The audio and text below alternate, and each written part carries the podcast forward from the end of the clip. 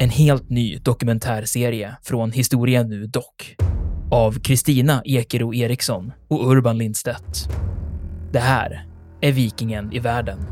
Vikingarna, de var inte något främmande folk. Sannolikt är det ett slags tempel, ett kulthus helt enkelt. Enligt legenden så är rykiderna skandinaver. Från skeppet och bränslet och slavinnan och hennes herre hade blivit till aska. Du hör dokumentären på historia.nu eller där poddar finns.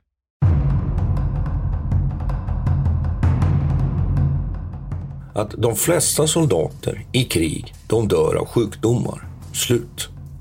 De dör inte på slagfältet. Och det, det, det, det är väldigt viktigt att komma ihåg.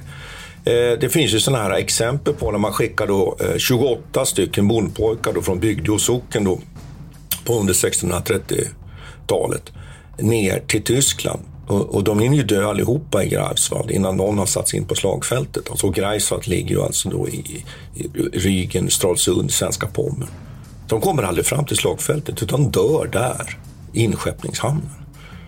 Och vi skulle kunna rada upp då såna här, eh, olika sådana här exempel.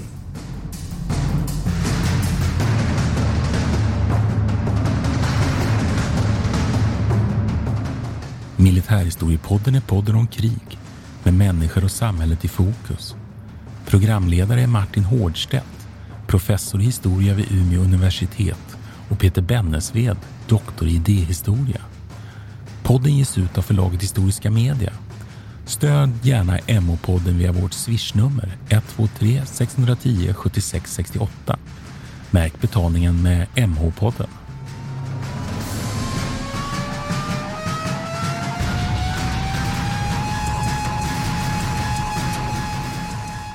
Okej, välkomna till Militärhistoriepodden.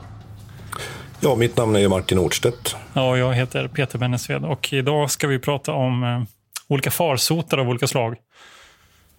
Det finns Ja, ju en speciell som alla har eh, i åtanke nu. Ja, Och du det är tänker på förstås- corona ja. Nej, Ja. jag tänker givetvis på dysenteriepidemin Dysenteri. 1770. Sen kan vi väl kanske berätta för, för lyssnarna också att vi är ju delade. Jag är ju i coronaexil faktiskt i. Finland, Tavastehus. Men du är inte riktigt ensam om det heller, för jag befinner mig också i en slags eh, vad, exil. Ja, I och för sig, du är ju ute i Finland, men själv är man ju i karantän här i Umeå med. Vi får inte gå ut, eller vi får väl, men eh, man blir som tvungen och rekommenderad att stanna hemma vid och jobba hemifrån. Just det. Beställde till det lite, men vi får hoppas att eh, det går bra ändå. Det går bra ändå att det funkar teknikerna. Men sjukdomar och krig är ju ett egentligen, det går inte att tömma ut det ämnet, eller hur? Ja, det är stort. Eh, men vi ska väl börja i någon ända. Vi kan väl konstatera att när man för samman en massa soldater så historiskt så har det ju då skapats förutsättningar för enorm sjukdomsspridning. Och nu behöver vi inte vara så dramatiska så vi pratar om sådana här epidemier som corona eller spanska sjukan som vi kommer in på sen senare. Utan nu kan vi prata egentligen om va- vanliga, om man uttrycker sig så, sjukdomar som ju sprids. Och framförallt är det ju maten och hygienen där som är problemet. Det finns ju lite olika aspekter av det också. Man behöver inte bara se till den där. Man kan säga att det finns ju både, å ena sidan är ju armén en slags Eh, ja, men där det alstras sjukdom, eller vad man nu ska kalla det. Att det är liksom, precis som du säger, att det, det är ett, ett, ett, en situation där det påbjuds eh, liksom, smittotillfällen. Men det är också armén som en slags eh, sjukdomsspridare i allmänhet. Som ska sprida ut sjukdomar över, över världen. Och sen finns det också det här biologisk krigföring. Jag vet inte hur mycket vi ska prata om det, men det, finns ju, det är också en aspekt av det på sätt och vis. Då har man liksom hörsammat den här risken som finns inom arméer och att de kan utnyttja den till, mot, så att säga, för att sänka motståndaren. Mm, och tittar man historiskt på det här så kan man ju säga att i, i, i det gamla bondesamhället, och nu pratar vi 15, 16, 1700-tal, 1800-tal också, fram till så att säga den, den moderna medicinen väcks med vaccin och sådana saker, så kom det ju på höstarna olika typer av tyfusepidemier och dysenteri och sådana saker. Så det är viktigt att komma ihåg att det här var ingenting som var ovanligt i det, historiskt i, i dåtidens bondesamhälle. Men som du säger, de här arméerna ökar ju naturligtvis eh, spridningen och omfattningen av, av det som man skulle kunna kalla för, som ep, av epidemier. Då. Men vad är det egentligen? Eh, alltså nu tänker jag på de här sakerna som jag pratat om tidigare program också. är det, borde det, det borde väl ändå vara någon skillnad med hur krigföringen ser ut också och hur de här sjukdomarna sprids. Eh, alltså de här fälttågen som var under 1700-1800-talet, 1600 17 1800-talet till skillnad från 1900-talet måste vara en ganska stor... Eller? Jo, men det är klart. Och det här har vi varit inne på tidigare. När man marscherade samlat som man gjorde mm. under 15, 16 och 1700-tal eh, i en lång, vad ska vi kalla det då, på ett långt led om man uttrycker det lite enkelt. Det är klart att om man då också inkvarterar sig väldigt samlat och krigföringen också många gånger handlade om belägringar har vi ju pratat om i ett avsnitt här. Mm. Eh, det är klart att då, då koncentreras ju alla de här soldaterna och då ökar ju den här sjukdomsspridningen. Eh, man kan ju nämna att Karl XII hade ju klart först det här. I Karolinska armén så eh, hade man förståelse för den här problematiken och där gjorde man faktiskt så att man försökte då när man kom i vinterkvarter till exempel i norra Tyskland 1706-1707, då försökte man sprida faktiskt ut trupperna och lägga dem skilt ifrån varandra, regementena skilt ifrån mm. varandra. För att mm man hade förståelse för att just sjukdomsspridningen mm. var, var fatal. Eh, och sen kan man ju säga då att krigföringen sen så småningom, den förändras ju, men när vi är tillbaks vid, vid första världskriget och skyttegravarna, då har vi samma problematik igen med oerhört många soldater hopträngda på en väldigt liten yta. Och man kan säga så här att eh, rysk-japanska kriget 1904-1905 det är ju egentligen det första kriget brukar man säga. Det beror ju nu på hur man räknar, för det, här är, det är ju väldigt svårt att räkna på det här. Då. Men där mm. dör alltså flest soldater på grund av striderna, inte på grund av sjukdomarna. Men sen första världskriget, då är vi tillbaka till en situation där fler soldater dör av sjukdomar än av striderna. Jaha, okej. Okay. Ja. Spännande. Men eh, det är också, jag tänker att en aspekt av det här måste ju också vara skillnaden i hur man ser på sjukdomar. För att jag menar, eh, under den här tidigare epoken så var ju, eh, då såg man ju det som någonting naturligt. Att ja, men de här fälttågen, de här arméerna kommer att dra på sig sjukdomar och man måste, som du säger, Aron Karl XII, jag måste se till så att sjukdomsspridningen ändå är under kontroll. Men det som händer sen är ju också att eh, vi får sjukdomar som är invasiva på ett annat sätt. Att de liksom kommer utifrån och man har en helt annan kännedom om att sjukdomar kan eh, kan spridas liksom från ett land till ett annat. De här sju tidigare sjukdomarna som eh, dysenteri och, tyfus och sånt har ju funnits i Eh, så att säga, funnits i, inom landet, eller man ska säga i kulturen under väldigt lång tid. Och man har liksom vant sig vid dem. Det är någonting helt annat än till exempel kolera, som är en av de första sjukdomarna som sprids från eller där man åtminstone har kunskap om att de sprids från till exempel Indien, då, Gangnesområdet, som man anser kolera kommer ifrån, till ett annat land. Då. sen så blir det en stor epidemi i England till exempel. Det är också hur man hanterar det. Men det är ju intressant här att, att eh, egentligen så är ju hanteringen detsamma. Eh, om man tittar på hur de beter sig under eh, tidigt 1800-tal och de råden som man får under 1900-talet så är det i princip detsamma. Att det ska vara liksom glest mellan folk. Man ska se till att snyta sig i näsdukar och sådana saker.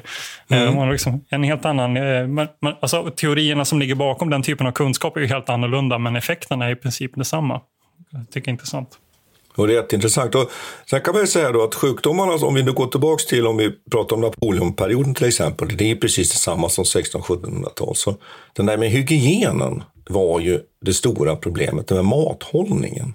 Att där mm. spreds det ju bakterier och den, den, dysenteri, den, den får man genom en bakterie som heter Shigella som ju helt enkelt angriper eh, kroppens matsmältningsorgan. Och utan nu att vara läkare så innebär det ju helt enkelt att man, man, man, eh, man skiter ju ihjäl sig helt enkelt. Det är ju ett fruktansvärt livsöde måste man ju säga faktiskt.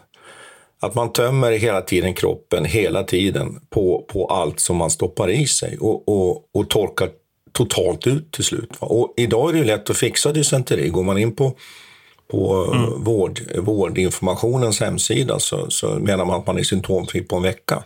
Här låg mm. alltså soldater och dog och det klassiska tillfället är ju den, den svenska arméns reträtt från Finland då, 1808 på hösten och där, där det tusentals soldater dör då, bland okay. annat i, i dysenteri uppe vid Tornio.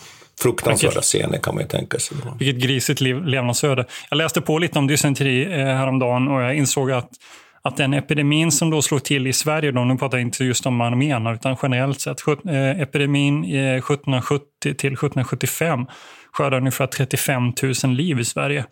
Det kan man jämföra med spanska sjukan då, som där man säger ungefär mellan 35 000 och 38 000 människor. Så det var liksom en farsot av ganska stor rang. Och där, där, eh, en intressant sak i det där är ju också att det finns, även på 1700-talet finns det ju medicinalstyrelse, eller det heter Collegium eh, Medicum, som var någon slags ja, men, eh, motsvarighet till Folkhälsomyndigheten idag, som gav råd. Och det återkommer just till det du sa om kost. Då ansåg man att en av orsakerna till att dysenteri spreds i befolkningen var att man åt för snabbt, för då hade Sverige lidit av svält under lång tid. Och om man då, eh, då ansåg man att man, om man då börjar äta för snabbt efter en lång period av svält så liksom slår det ut magsystemet och man kan drabbas av rödsot som det då kallades. This is Paige, the co-host of Giggly Squad, and I want to tell you about a company that I've been loving, Olive and June. Olive and June gives you everything that you need for a salon quality manicure in one box. And if you break it down, it really comes out to $2 a manicure, which is absolutely insane. It's also so easy to get salon worthy nails at home with Olive and June. The difference between how your nails used to look when you did them yourself and now with the Manny system is a complete game changer. The best thing about Olive and June too is it's a quick dry, dries in about one minute, lasts for five days, and full coverage in up to one to two coats. Visit oliveandjune.com slash perfect Manny 20 for 20% off your first system. That's oliveandjune.com slash perfect Manny 20 for 20% off your first system. Hi, I'm Daniel, founder of Pretty Litter. Cats and cat owners deserve better than any old fashioned litter. That's why I teamed up with scientists and veterinarians to create Pretty Litter. Its innovative crystal formula has superior odor control and weighs up to 80% less than clay litter.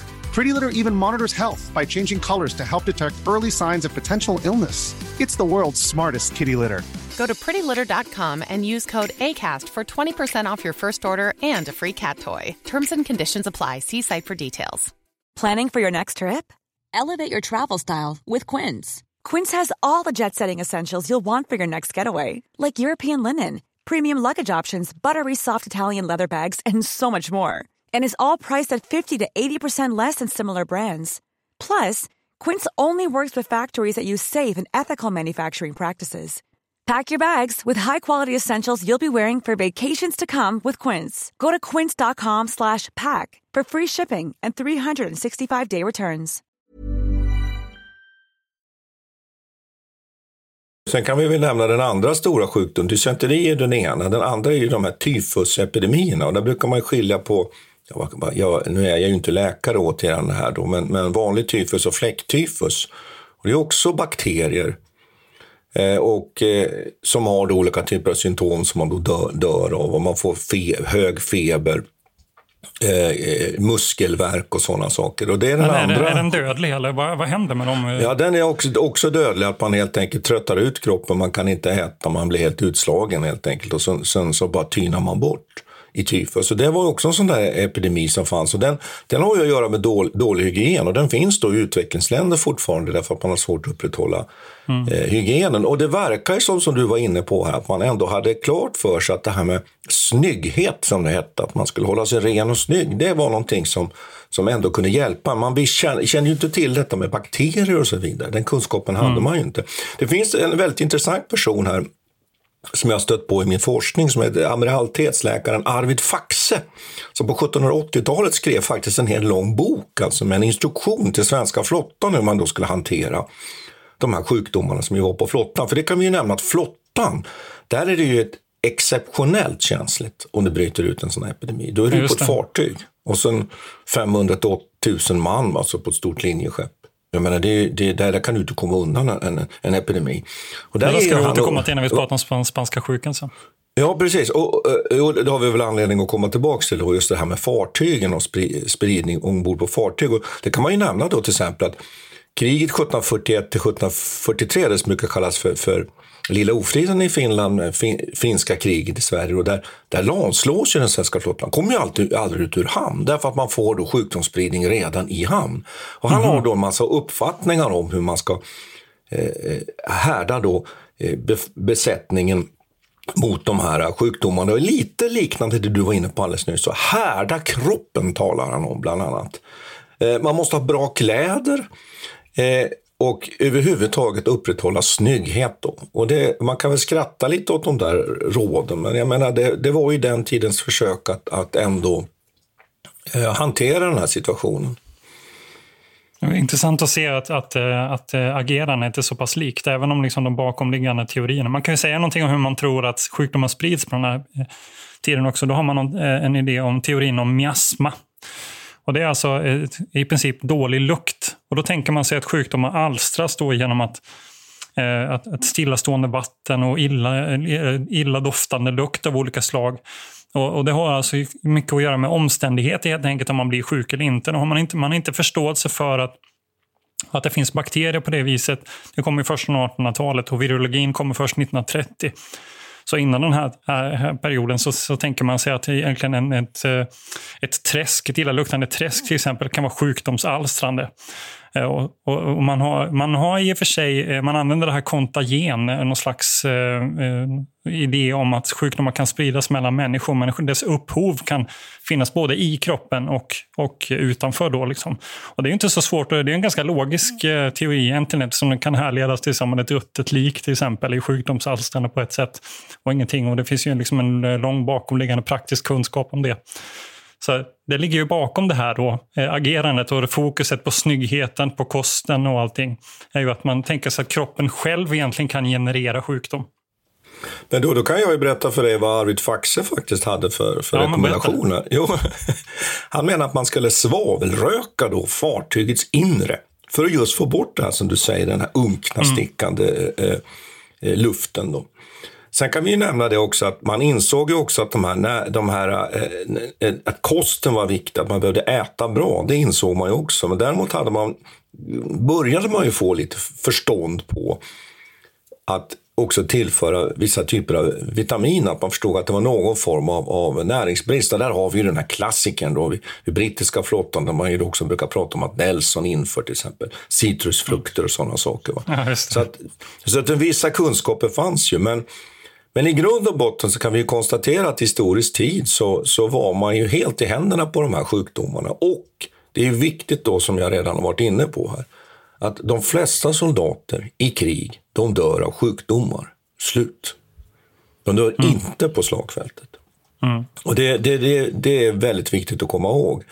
Eh, det finns ju sådana här exempel på när man skickar då, eh, 28 stycken bondpojkar då från Bygdeå socken då, på under 1630 talet ner till Tyskland. Och, och de hinner ju dö allihopa i Greifswald innan någon har satts in på slagfältet. Alltså Greifswald ligger ju alltså då i, i Rügen, Stralsund, svenska Pommern. De kommer aldrig fram till slagfältet utan dör där, i inskeppningshamnen. Aha. Och vi skulle kunna rada upp då sådana här eh, ja, jo. olika alltså, jag här exempel. På spanska sjukan, det finns siffror då från, från den amerikanska armén där 57 000 människor dog av denna influensaepidemi egentligen. 8 000 dog av andra skäl och 50 000 dog av, av, av strider helt enkelt. Så det är 7 000 mer i alla fall som dör av sjukdomen än av direkta strider egentligen. Mm. Och jag sa ju nu här att första världskriget, där skördas det då flera sjukdomar. Det skulle man nog kunna ifrågasätta, det, det påståendet. Jag undrar vad det gäller, vad är det soldater eller? För att spanska sjukan drar ju med sig en väldigt stor andel civilbefolkning egentligen. Ja, nej, men nu tänker jag bara på soldater, utan det beror på mm. alltså hur man, hur man nu räknar. För att menar man så att säga stupade av skott eller av granatsplitter eller av, av i, i närkamp mm. eller av handgranat i strid. Om du räknar bort dem och sen tittar du på alla som dör, dels av sjuka, då har vi spanska sjukan som tar väldigt många som vi redan varit inne på. Men sen har du alla följdsjukdomar när du har blivit sårad. När du väl har blivit sårad och förs bakåt, då börjar problemen. Därför där har man extremt höga dödssiffror på de som blir sårade. Och då är frågan, räknas de som sjuka eller räknas de som stupade i strid ja, på grund av ett sår. Förstår du? Det där, där har, ja, så därför skulle man då kunna liksom laborera med det här. För det, så det är viktigt att man har klart för sig det där. Men man mm. har väldigt höga förlustsiffror på de som skadas. Och det tycker jag är en sån här kategori i, i, i den här diskussionen som är väldigt spännande. Den som såras på slagfältet, den lider väldigt stor risk att dö.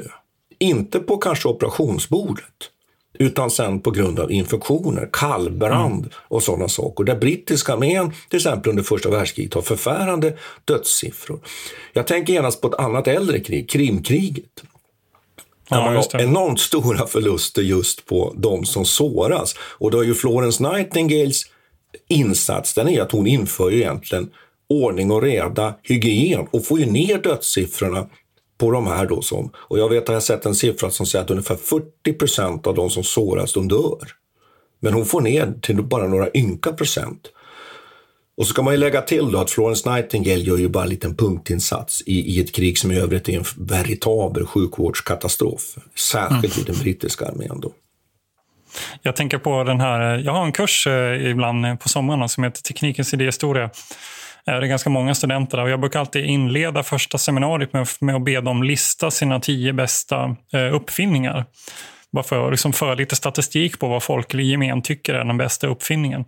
Och någonting som återkommande där är ju, är ju antibiotika.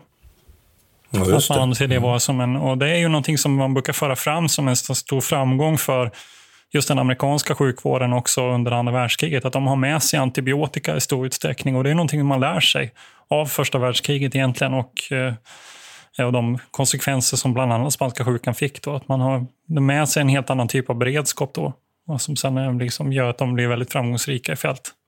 På grund av de orsakerna som du nu säger. Nej, men jag tänkte att i skyttegravarna där också ska vi också komma ihåg att där har vi sådana vanliga saker som att man får kraftiga förkylningar, lunginflammation, att man förstör sina fötter och får kallbrand mm. på grund av att man får skyttegravsfot till exempel. Och det tycker jag man kan också komma ihåg här att det är inte alltid så att sträng kyla är det värsta. Eller väldigt, väldigt hög hetta. Utan att man är blöt. Att man är blöt hela tiden. Att det, det, skapar en situation som kroppen inte riktigt klarar av och särskilt mm. i, ett par, i ett par stövlar som man inte sköter och inte torkar ut sina fötter. Så att vi har ju en hel serie här av åkommor som, som ju tär på de här soldaterna. Och skyttegravarna just var ju väldigt extrema. Vi liksom återkommer ju till dem hela tiden. Det är bättre egentligen. Rörlig krigföring är på det sättet egentligen bättre för en armé, krasst. Ja, nu kommer eh, min sambo här in och flaxar med. Hon lyssnar. Hon säger hon att corona och spanska sjukan är virus. Ja, och det är klart. Det vet vi ju. Ellen. Det vet vi. Vi vet att det är virus. Men det som, det som man eh, försöker hantera är ju efterföljande eh, lunginflammation. Och där kan man ju använda antibiotika. Mm, Medan de här andra vi har pratat om, dysenteri och, och, ja, ja, och tyfus är bakterier. Men det var bra att vi fick expert, har, faktiskt ja, av en läkare, fick läkarhjälp här kan man säga. ja, precis. Here's a cool fact. A crocodile can't stick out its tongue. Another cool fact, you can get short-term health insurance for a month or just under a year in some states. United Healthcare short term insurance plans are designed for people who are between jobs, coming off their parents' plan, or turning a side hustle into a full time gig. Underwritten by Golden Rule Insurance Company, they offer flexible, budget friendly coverage with access to a nationwide network of doctors and hospitals. Get more cool facts about United Healthcare short term plans at uh1.com. Quality sleep is essential. That's why the Sleep Number Smart Bed is designed for your ever evolving sleep needs. Need a bed that's firmer or softer on either side? helps you sleep at a comfortable temperature, Sleep Number smart beds let you individualize your comfort so you sleep better together. JD Power ranks Sleep Number number 1 in customer satisfaction with mattresses purchased in-store. And now save 40% on the Sleep Number limited edition smart bed for a limited time. For JD Power 2023 award information, visit jdpower.com/awards. Only at Sleep Number stores or sleepnumber.com. Mom deserves the best, and there's no better place to shop for Mother's Day than Whole Foods Market. They're your destination for unbeatable savings, from premium gifts to show-stopping flowers and irresistible desserts. Start by saving 33% with Prime on all body care and candles. Then get a 15-stem bunch of tulips for just $9.99 each with Prime. Round out Mom's menu with festive rosé, irresistible berry chantilly cake, and more special treats. Come celebrate Mother's Day at Whole Foods Market.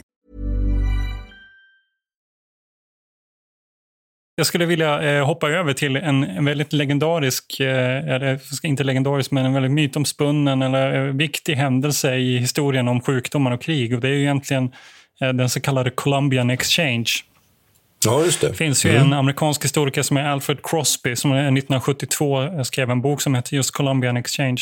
Och där pratar han om övertagandet, det spanska övertagandet av eh, den amerikanska kontinenten. Och där är ju ett sånt tillfälle där man säger att sjukdomsspridning och smittor, pandemier, det får man ändå kalla en pandemi. Eh, eller, ja, jag vet inte, det är oklart. Men hela den amerikanska kontinenten drabbades, som väl ändå var en pandemi. Va? Men där liksom decimerades den ursprungliga befolkningen i, i på den amerikanska kontinenten med upp till 95 procent. De här siffrorna varierar lite grann eh, beroende på hur man räknar. Då, men mellan 80 och 95 procent säger man ungefär. Och det är alltså då pratar vi, räknar man ungefär 25 till 30 miljoner människor i, eh, i det här området innan conquistadorerna kommer dit. Och sen efter 1500-talet och 100 år framåt så decimeras de alltså med, med som eh, vansinniga mängder. Och det räknas fortfarande som en av de värsta liksom, humanitära katastroferna. Eh, världskrigen inräknat egentligen. Och här är ju ett antal sjukdomar då som sprids. Och det är ju smittkoppor och det är de här sakerna. som du pratar också om tyfus, eh, dysenteri. Eh, det finns även eh, ett gäng vanliga influenser egentligen som slår jättehårt. Mässling och sånt där. Tuberkulos, kolera och sånt som vi har. Eh, ja, kolera var väl kanske, måste vara eh, ganska nytt. Va? Men de här sakerna är ju någonting som, som den europeiska och den gamla världen i princip var helt vana vid. Vi hade levt länge jäm, eh, jämsides med djur och så, hade vant oss, byggt upp en slags immunitet. Både individuell, i det att man kanske inte själv drabbades, men också eftersom det finns då individer eh, som klarar sig så sprids inte heller sjukdomarna lika snabbt i Europa eh, på, på den här tiden. Men i i, i, eh, på den amerikanska kontinenten fanns det här inte alls. Det fanns ingen som hade någon slags immunitet och därför spreds de här sjukdomarna hur snabbt som helst, bara som en löpeld genom eh, Eh, genom kontinenten egentligen. Det är nu vi är inne i det här gränslandet som är så fint med, med, med att man mm. har en militärhistorisk approach här, att, att erövringen i sig som sker militärt får den här enorma konsekvensen. Ja. Det är ju inte krigshandlingar i sig det du pratar om nu, utan det är ju det att den här erövringen som ju sker då med konkistadorerna, Exakt. Den, den, den, den, den, får den här konsekvensen. Och jag tänker på en annan sak här direkt eh, och det är ju problemet man har till exempel med malaria inledningsvis under kolonialiseringen och imperialismens stora guldålder. Att de här sjukdomarna har ju varit väldigt problematiska för framförallt den här erövringen av världen, men också för de som blir erövrade. Och mm. just pratar vi om imperialismen så är det en, är ju en period som är av, av militärhistoriskt stort intresse, därför det är ju den perioden 1870 fram till första världskriget och i västvärlden är egentligen som mest militärtekniskt överlägset. Men, men man har problem med de här sjukdomarna då istället. Jag tänkte på eh, specifikt på belägringen av eh, Tenochtitlan, den här eh, aztekernas huvudstad. 1519 till 1520 ungefär. Där är det helt enkelt så att Cortés då, som har med sig sina spanska conquistadorer, de helt enkelt väntar bara utan, eh, utanför medans, eh, medan stan i princip decimerar sig själv genom ett, en stor spridning av smittkoppor. Så man kan i princip bara gå rakt in sen i stan och ta över den på grund av detta. Så det var ju som en... Och det, här, det eh, diskuterar man lite grann huruvida det, det fanns en medveten smittspridning också under den här perioden. Det finns vissa som påstår då att att spanjorerna faktiskt hade kunskap om eh, hur de här smittorna spreds till viss mån, att man skulle eventuellt kunna ha utnyttjat det. Och då säger man att eh, vi, när, när eh, de religiösa organisationerna, franciskanerna bland annat, drog sig tillbaka från Spanien under början av 1500-talet eh, till förmån då för mer militärt styre så, så började de här sjukdomarna spridas framför allt då. Och eventuellt genom eh, eh vattenförsörjningen. Så jag vet inte, det, verkar ju eh, inte riktigt klart, klarlagt huruvida, men där skulle man eventuellt kunna prata om någon slags biologisk krigföring också.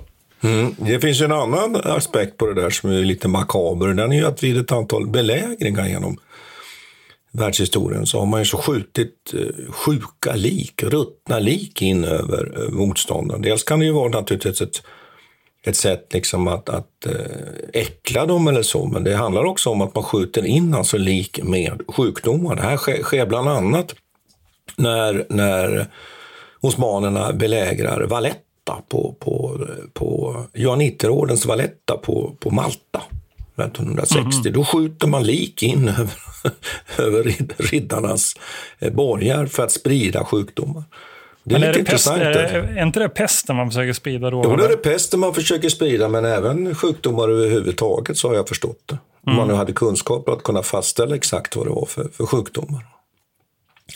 Jag tycker ju att man skulle kunna ändå resonera lite kring de här konsekvenserna av de här stora sjukdomarna. Och, och där vi har, jag, tänker på, jag tänker bland annat nu då på Napoleons här eh, stora fälttåg till, till Ryssland 1812. Som man ju ofta då diskuterar att det har att göra med dåligt underhåll och så vidare. Men här menar man ju till exempel att de här sjukdomarna har en helt avgörande betydelse. Att det är tyfus som tar hans armé. Du är inne på de här stora, stora sjukdomsspridningarna. Så att självklart är det ju så att de här sjukdomarna har haft avgörande betydelse, men som är väldigt svåra att se många gånger.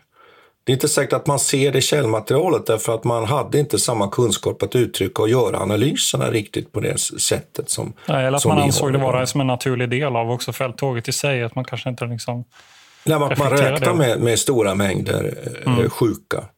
Så att många, en, det går alltid att argumentera ofta för att de här sjukdomarna har haft en avgörande betydelse och, och knäckt många av de här stora klassiska fälttågen. 1812 är ju ett sånt i Ryssland. Det är egentligen det som är det stora problemet, att man inte kunde hantera sjukdomarna. Sen, sen, funderar, sen funderar jag vidare här på, på första världskriget som, som återigen och, och spanska sjukan, om vi ska komma in på spanska sjukan ännu lite till. Så om jag har förstått saker rätt så kommer spanska sjukan att träffa jorden i ett antal vågor. Den Jo, första, det- vågen, den första vågen är 1918. Det är ju våren, sommaren 1918. Kommer ju den första vågen. Och det är ju väldigt spännande tycker jag, därför där kan man ju också dra växlar på vilken betydelse det får för första världskrigets eh, avslutning. Var spanska sjukan en del av de avgörande faktorerna i första världskriget? Frågetecken. Mm. Ja, hur, hur, på vilket sätt det påverkar den? Jag har inte läst så mycket om hur det, hur, eh, vad som hände inom arméerna i Europa egentligen. Här, blev de drabbade av, eh, av spanska sjukan specifikt? Ja, Alltså de då- europeiska? Ja, då räknar man med att man, man i den tyska armén så småningom, och nu är vi ju framme vid, till och med framme vid sommaren 1918, där har man 900 000 sjuka i spanska sjuka enligt, enligt dokumentation som jag tagit, tagit del av. Att man räknar med att den brittiska och franska armén, där är det så mycket som hälften, ända upp till en tre fjärdedel av de arméerna har, har på något sätt berörs av spanska sjuka. Och där borde ju re, rimligtvis borde ju det lamslå de här arméerna. Och nu, nu, är väl, nu är väl frågan här då, den, den tyska stora våroffensiven då 1918 som ju, som ju syftar till att liksom ändra dödläget på västfronten. Det, det är liksom det avgörande momentet i första världskriget. Det gäller att slå ut den franska och brittiska armén innan amerikanerna fullt ut har kommit på plats. För sen inser man att man kommer sen att möta även nya, friska amerikanska soldater. Amerikanerna kommer ju så småningom att ha en miljon man faktiskt i, på västfronten. Och då slår man ut den och det börjar man ju göra i mars. Och så uh, sker ju den i, i, i flera omgångar, den här offensiven. Men då är frågan där att när, när den här offensiven misslyckas, ju, initialt då av, av militära skäl så att säga. Då är frågan, för det första, ett, är den tyska armén redan försvagad av de här sjukdomarna? För man flyttar ju nämligen man flyttar ju nämligen nästan en miljon man från östfronten till västfronten genom Tyskland. Och där finns det de som menar att de här sjukdomarna redan börjar grassera i det här fallet. Och så ökar man ju koncentrationen av soldater på, på västfronten och då får man de här sjukdomarna. Och de får man ju då från väster. Ja. Och då är det intressant, alltså det, är, det som jag är ute efter är liksom när sammanfaller de här två processerna? Det, vi kan, det man kan konstatera då är att när vi kommer fram till sommaren så är den tyska armén definitivt försvagat av spanska sjukan. Mm. Absolut. Men har det betydelse för den här första våroffensiven? Ja, just det. Ja, men då, då ska jag säga till djävulens advokat där, då ska jag säga att antagligen inte. För att den första vågen var inte så... Sjukdomen i sig var inte så allvarlig och den tycks inte ha spridits på samma sätt. Det som gör den andra vågen så blodig, och det är oftast man säger, den det som hände under hösten eh, 1918 som är den, den som skördar mest liv. Då säger, eh, säger den historiska forskningen här då att det här sker en slags mutation under hösten eh, på västfronten som gör att en mycket mer aggressiv eh, eh, sjukdomsbild liksom sprider sig. Så antagligen, min helt lekmannamässiga analys av det du säger Martin, skulle säga att antagligen inte att det spelar så stor roll just under våren. Men däremot, då ser man ju den första spridningen, men den var ju också det kommer inte sjukdomen från ett annat håll. Som jag har fattat det så är det huvudsakligen USA som drabbas av den första vågen mest. Det finns ju även några exempel även i Sverige till exempel den här tiden. Men det verkar inte som att den är så utspridd då. Eller? Har jag fel Nej, men det, det, man skulle kunna konstatera är att den tyska armén efter våroffensiven, som ju misslyckas av militära skäl, då, mm.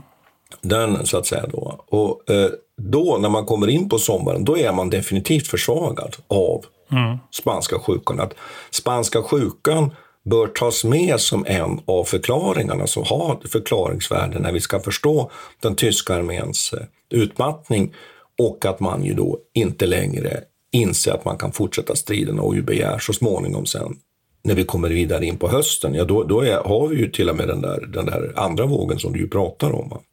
Stillestånd, vapenstilleståndet är ju 11 november. Då vill jag lägga till i sedvanlig ordning, så vill jag lägga till det civil, civilbefolkningens perspektiv här. Ja. Det här tycker jag var superintressant det du säger. För någonting som jag har lyckats läsa mig till, en vanligt, eh, vanligt förekommande siffra då, eh, Eh, gällande ty tyska folkets lidande under första världskriget är att ungefär 800 000 människor lär ha dött på grund av eh, de, eh, Antantens handelsblockad. Genom svält helt enkelt har man tänkt sig att en väldigt stor andel tyska människor dog då. Och detta har ju bland annat anförts, då, eller anförts direkt av Erik von Ludendorff eh, under mellankrigstiden som en av orsakerna till att den tyska krigsmakten var tvungen att, och, och kapitulera. På grund av att helt enkelt den inhemska politiken kollapsade på grund av den stress som bland annat handelsblockaden eh, orsakade. Så därför såg man också efter, efterhand att man måste så se till så att nationen är självförsörjande och så vidare. Man kan klara sig utan, utan det där. Men eh, någonting som man också har då kunnat konstatera är att det stora antalet av de döda, de här 800 000 människorna, tycks bero på just spanska sjukan också och att de flesta av de här människorna dör i slutet av kriget på grund av att man då är så pass försvagade av rent eh, de levnadsmässiga förhållandena och svälten.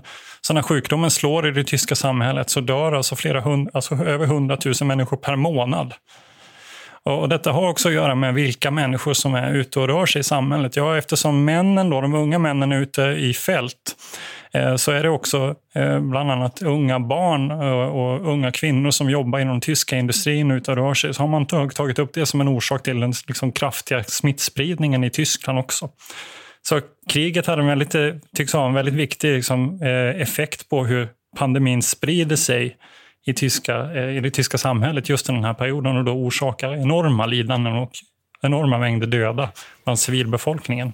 Och sen kan man ju lägga till också att den här, den här vad ska jag säga, blockaden som du är inne på här, den, den får ju, spelar ju väldigt stor roll sen så småningom, för man uppfattar den som högst omoralisk, omoralisk från tysk sida. Och mm. Eh, blir ju en del i bygget sen så småningom av den här, eh, vad ska man kalla det för, legenden kring att den, den tyska armén egentligen inte var slagen. Så finns Nej, det här med som en ingrediens och att, att det var, fanns, fanns ett, ett, väldigt vad ska jag säga, ohedersamt eh, uppträdande från västmakten som får betydelse i den nazistiska propaganda. Men det är väldigt, det vi kan konstatera är att spanska sjukan definitivt har ett förklaringsvärde när vi ska förstå första världskrigets avslutning. Så mycket kan vi säga i alla fall. tycker eh, man kan uppehålla sig lite till där vid den. Eh, den sprids ju egentligen, spanska sjukan, det är ju lite osäkert med, med ursprunget där. En del säger ju att den är, även den har liksom kinesiskt ursprung och att den då har kommit till USA via kinesiska gästarbetare. Eh, det var ju väldigt vanligt att man använde kinesisk arbetskraft för att bygga upp det, det amerikanska eh, vad heter det, järnvägsnätet. Och att den eventuellt skulle ha spridits därifrån. Då. Det finns ju en annan sjukdom som kom några år, eh, några decennier tidigare. Det var den så kallade ryska sjukan som, som eh, spreds under 1880-talet. Eventuellt då kan man se att det finns en slags koppling där. Då, så att den har funnits, först har den ryska sjukan funnits i det området, i Ryssland, eh, och sen har den då spridits via Kina och kanske muterat och så kommit en ny variant sen, sedan till USA under början av 1900-talet. Eh, och då Eh, men en annan teori är att, eh, eller det är de första tidiga kända exemplen, det är från den här förläggningen i Haskell, Kansas. Eh, där den första vågen av spanska sjukan slog ut väldigt många människor. Och det som händer där då är ju att sjuka soldater skeppas in på, i båtarna och sen åker över till västfronten. Och då menar man att just den här miljön som finns på västfronten är utmärkt för att sprida sjukdomar. Eh, och, och då, eh, dels att människor bor väldigt nära, de här soldaterna är väldigt nära varandra. De är nere i de här, eh, vad heter det, trenches på svenska. Vad heter det? Skyttegravarna. Skyttegravarna.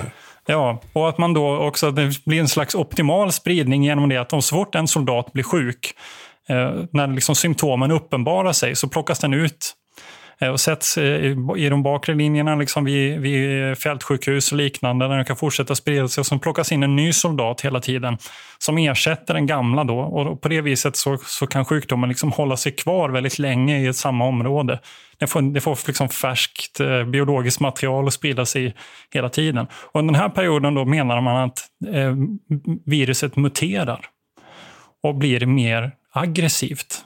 Och därav den andra vågen är mycket, mer, eh, mycket värre.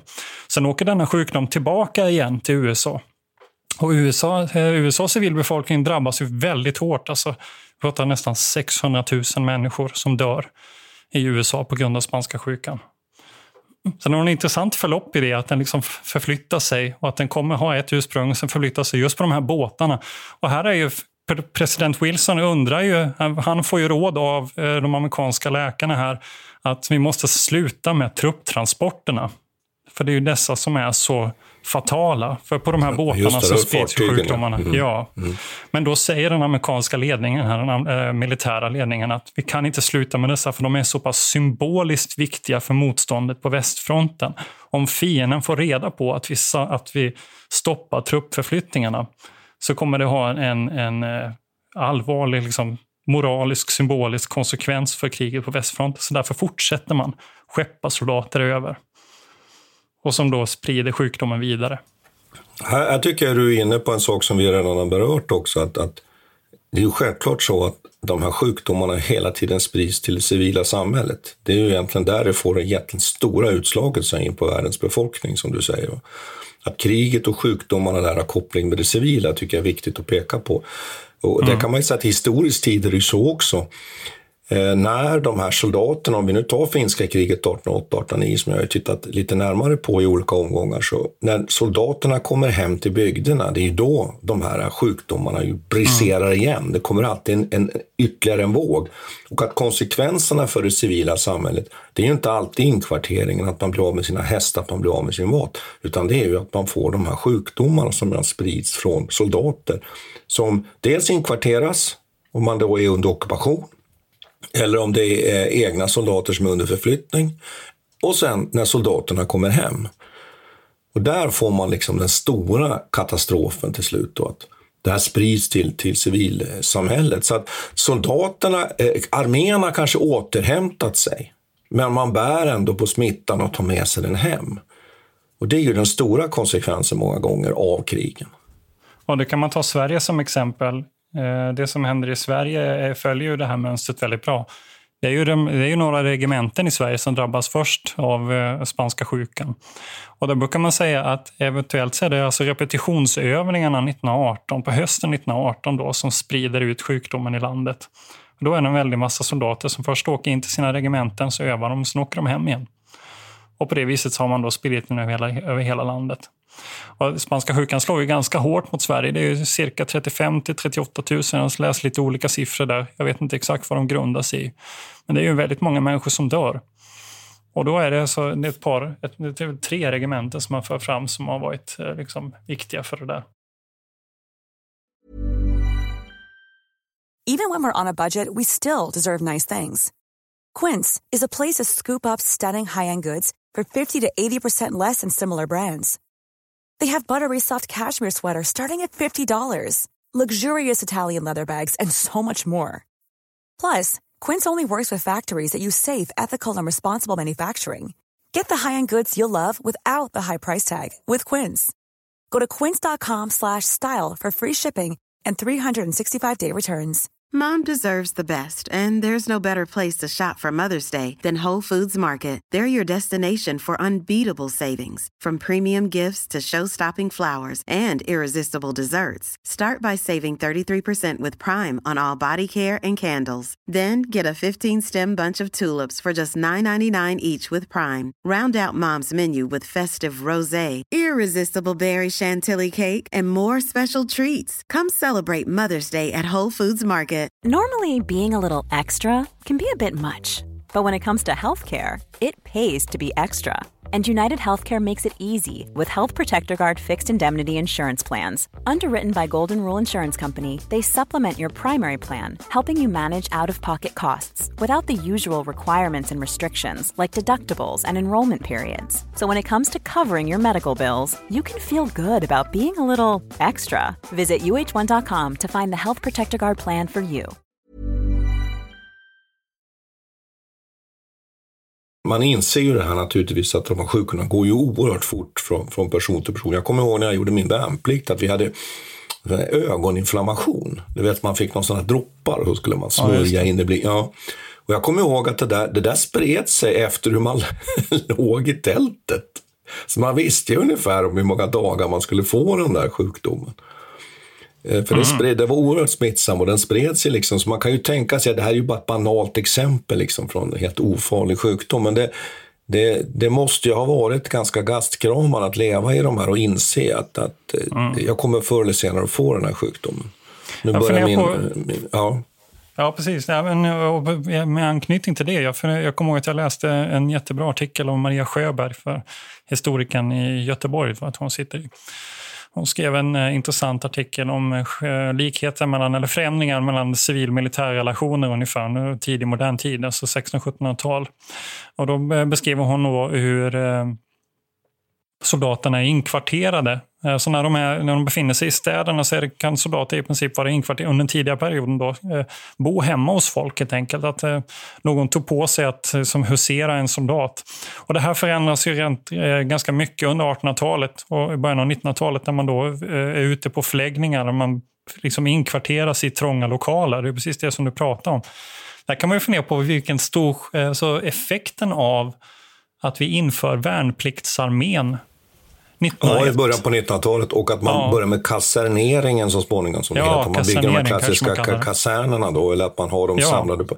Det är sant, för där har man kontroll på soldaterna, men samtidigt så sprids det ju då, som tar de med sig sjukdomarna hem, så det är ju både och det där egentligen. Mm. Och, då, och man börjar med de här repetitionsövningarna och det är också att man soldat ska komma tillbaka och så där. Det är ja, intressant det är klart, att se vilken koppling det skulle ha. Ja, det skulle det vara, absolut. Eh, men jag tror överhuvudtaget just det här med, att inkvartering. Jag kan ju ta ett annat exempel från, från min, min egen, egen forskning. Jag tittar på att ålänningarna har ju mellan början då, från 1809 fram till ungefär 1830 så har ju ryssarna en massa soldater på Åland. Och då har ju ålänningarna ryska soldater hemma. De bor tio månader per år hemma hos mm. de här ålänningarna.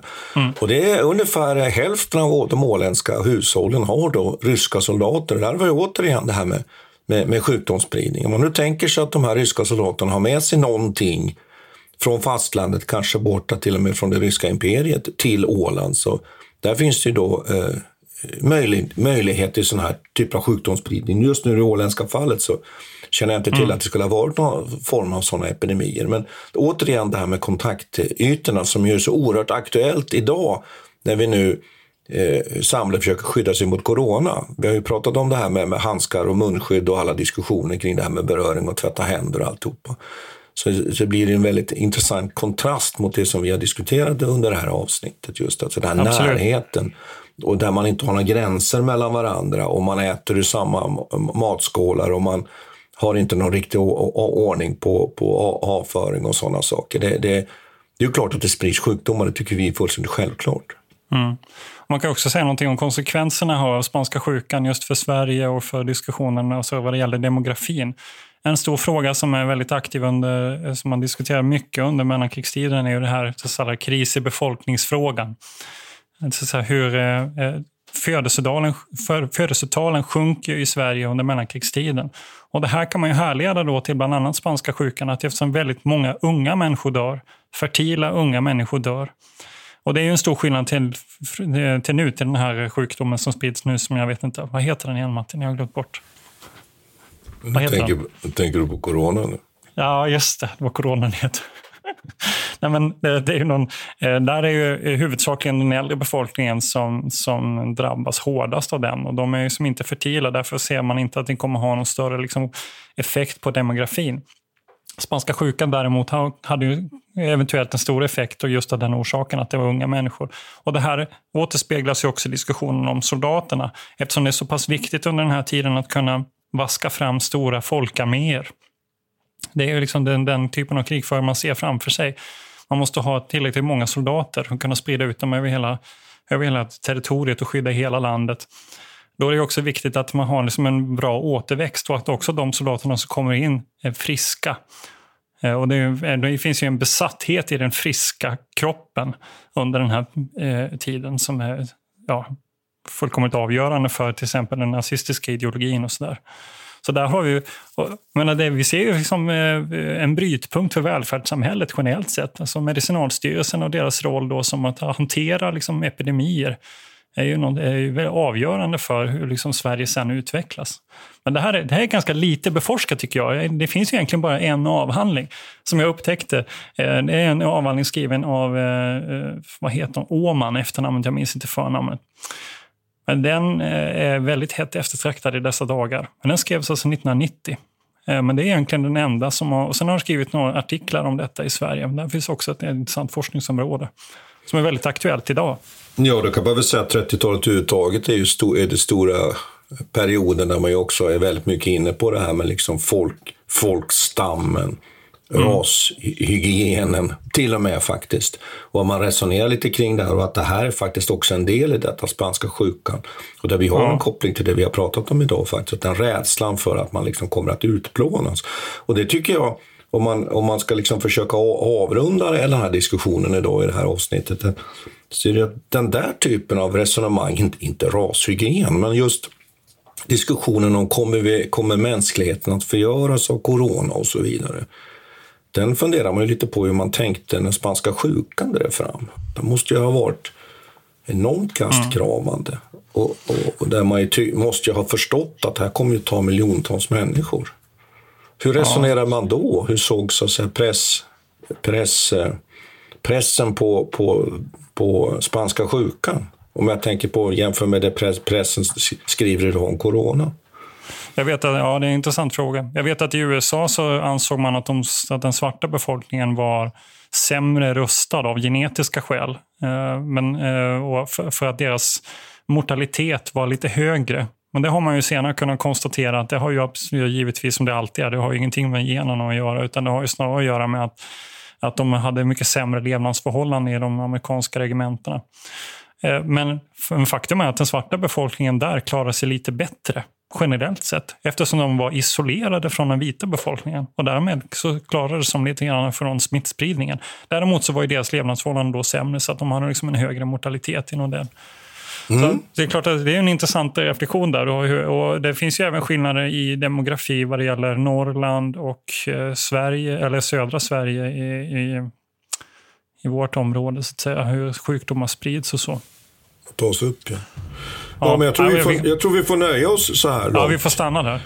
Eh, och så får säger vi väl tack ska vi ha för idag. Ja, tack ska tack vi ha. ha. Hej. Vi tackar Peter Bennesved och Martin Hårdstedt. Kontakta gärna Militärhistoriepodden via mail på militarhistoriepodden historia.nu.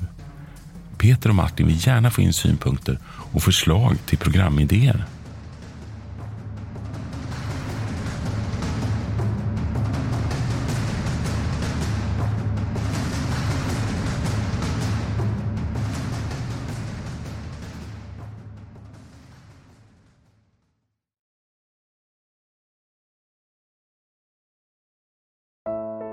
Iran har under 1900-talet genomgått tre omvälvande revolutioner som orienterat landet antingen mot västerlandets modell eller mot en auktoritär styrelseform. Idag pågår en social revolution i landet som vänder sig mot det islamistiska styret och vars anhängare har Europa och väst som förebilder. I en viktig bok ger idéhistorikern Mohammad Faslashemi en djupare förståelse för dagens dramatiska händelseutveckling. Iran mellan tre revolutioner är utgiven av förlaget Historiska Media. Beställ den fysiska boken på förlagets hemsida historiskamedia.se eller köp den i en bokhandel nära dig.